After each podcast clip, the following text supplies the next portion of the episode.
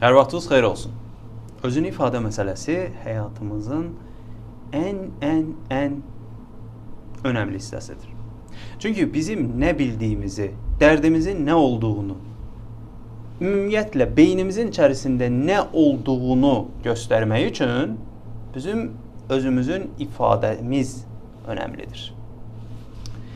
İndi burada bax o məsəl var ya Qarabağ zonasında. Ümumiyyətlə deyəsən başqa yerlərdə də istifadə olunur.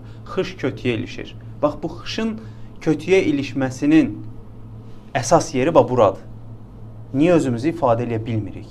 Nədir bu özünü ifadə? Bax hamımızda belə bir şey olur. %100 əminəm. Məsəl üçün kimlənsə danışırsınız, sözünüzü ona dediniz, o dedi. Gəlib evdə sakitləşəndən sonra deyirsən ki, Ayda, mən bunu niyə demirdim? Həmin anda yadıma düşmür ha o. Evdə sakit olduğun anda yadıma düşür. Rahatlayırsan və beynin deyir ki, gəl. Yadıma salıram, başda bunun əzabını, əziyyətini çəkməyə. Hmm. Özünü ifadəni necə formalaşdıra bilərik və bunu necə yüksəldə bilərik? Necə özümüzü daha yaxşı ifadə edə bilərik? Gəlin birinci baxaq özünü ifadə nədir? Özünü ifadə özümüzü beynimizdə tutduğumuz kimi qarşıdakı insanlara təqdim etməkdir. Qarşıdakı insanlara. Ən böyük özünü ifadə sıxıntısı mən danışaram, qarşıdakı mənə bunu deyər, gülər, nə isə deyər və s. və s. şeylərdir deyə mən özümü ifadəni o qədər də artıra bilmirəm. Elə məsələnin kökü burdan başlayır. Biz nə isə ifadə eləyəndə özümüzə görə yox, qarşıdakılara görə eləyirik. Yəni burada incə bir məqam var ha. Özünə görə evdə eləyirsən, özünlə qaldığın anda eləyirsən. Qarşıdakı insanlar bir şeyi nə isə ifadə eləyirsənsə, yəni özünü ifadə eləyirsənsə, qarşıdakı insanlara görə eləyirsən də onu. Ona görə qarşıdakı insanların psixoloji durumunu, düşüncə səviyyəsini, həyata olan baxışlarını bilməyin mütləqdir. Ki sən kimlə danışırsan, hansı formada danışırsan və necə danışacaqsan. Özünü ifadədə önəmli əsas detal budur. Bir, qarşıdakı insanlar. Bundan başqa bir cümləm var, həmişə deyirəm. Ki, nə qədər çox danışırsınızsa, yaddaşınız o qədər çox güclənir, nitqiniz o qədər çox yaxşılaşa bilir. Çünki bu zibilə qalmış nitqin başqa variantı yoxdur. Sən danışmalısan. Danışmasan ifadə etmək mümkün deyil. Yəni Ola bilər sən yüksək bal yığmısan qəbul imtahanında, amma indi özünü ifadə edə bilmirsən deyə sıxılırsan. Aşağı bal yığan biri də səni gəlib keçə bilər. Düzdür, burada balın o qədər də önəmi yoxdur. Əsas məsələ göstərməyindir. Sən kimsən, necəsən? Yəni ikinci əsas məsələ. Nə dediyin yox, necə dediyin önəmlidir.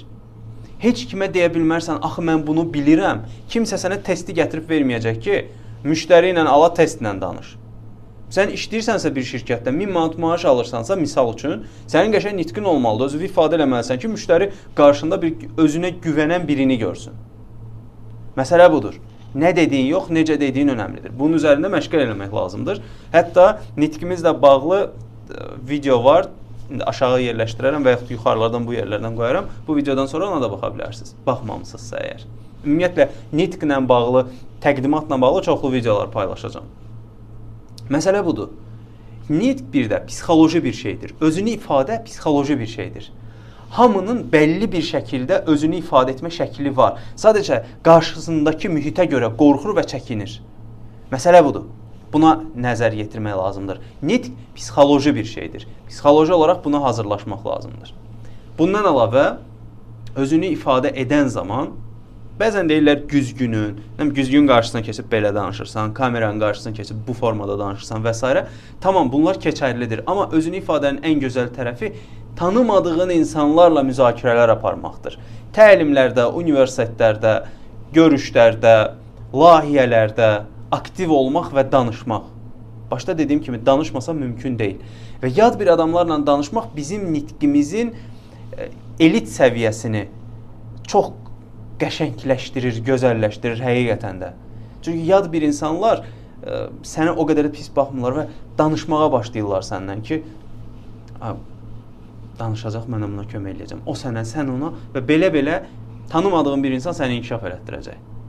Azərbaycan cəmiyyətində o mental xüsusiyyətlərdən biri odur ki, qohum-əqraba, dost-tanış dediyin adamlar, məhəllə adamları, qaldığın ərazidə olan adamlar sənin bir uğuruvu görəndə, nəsə görəndə dəstək olmaq əvəzinə belə də qalırlar ki, güya bu belədir də, misal üçün.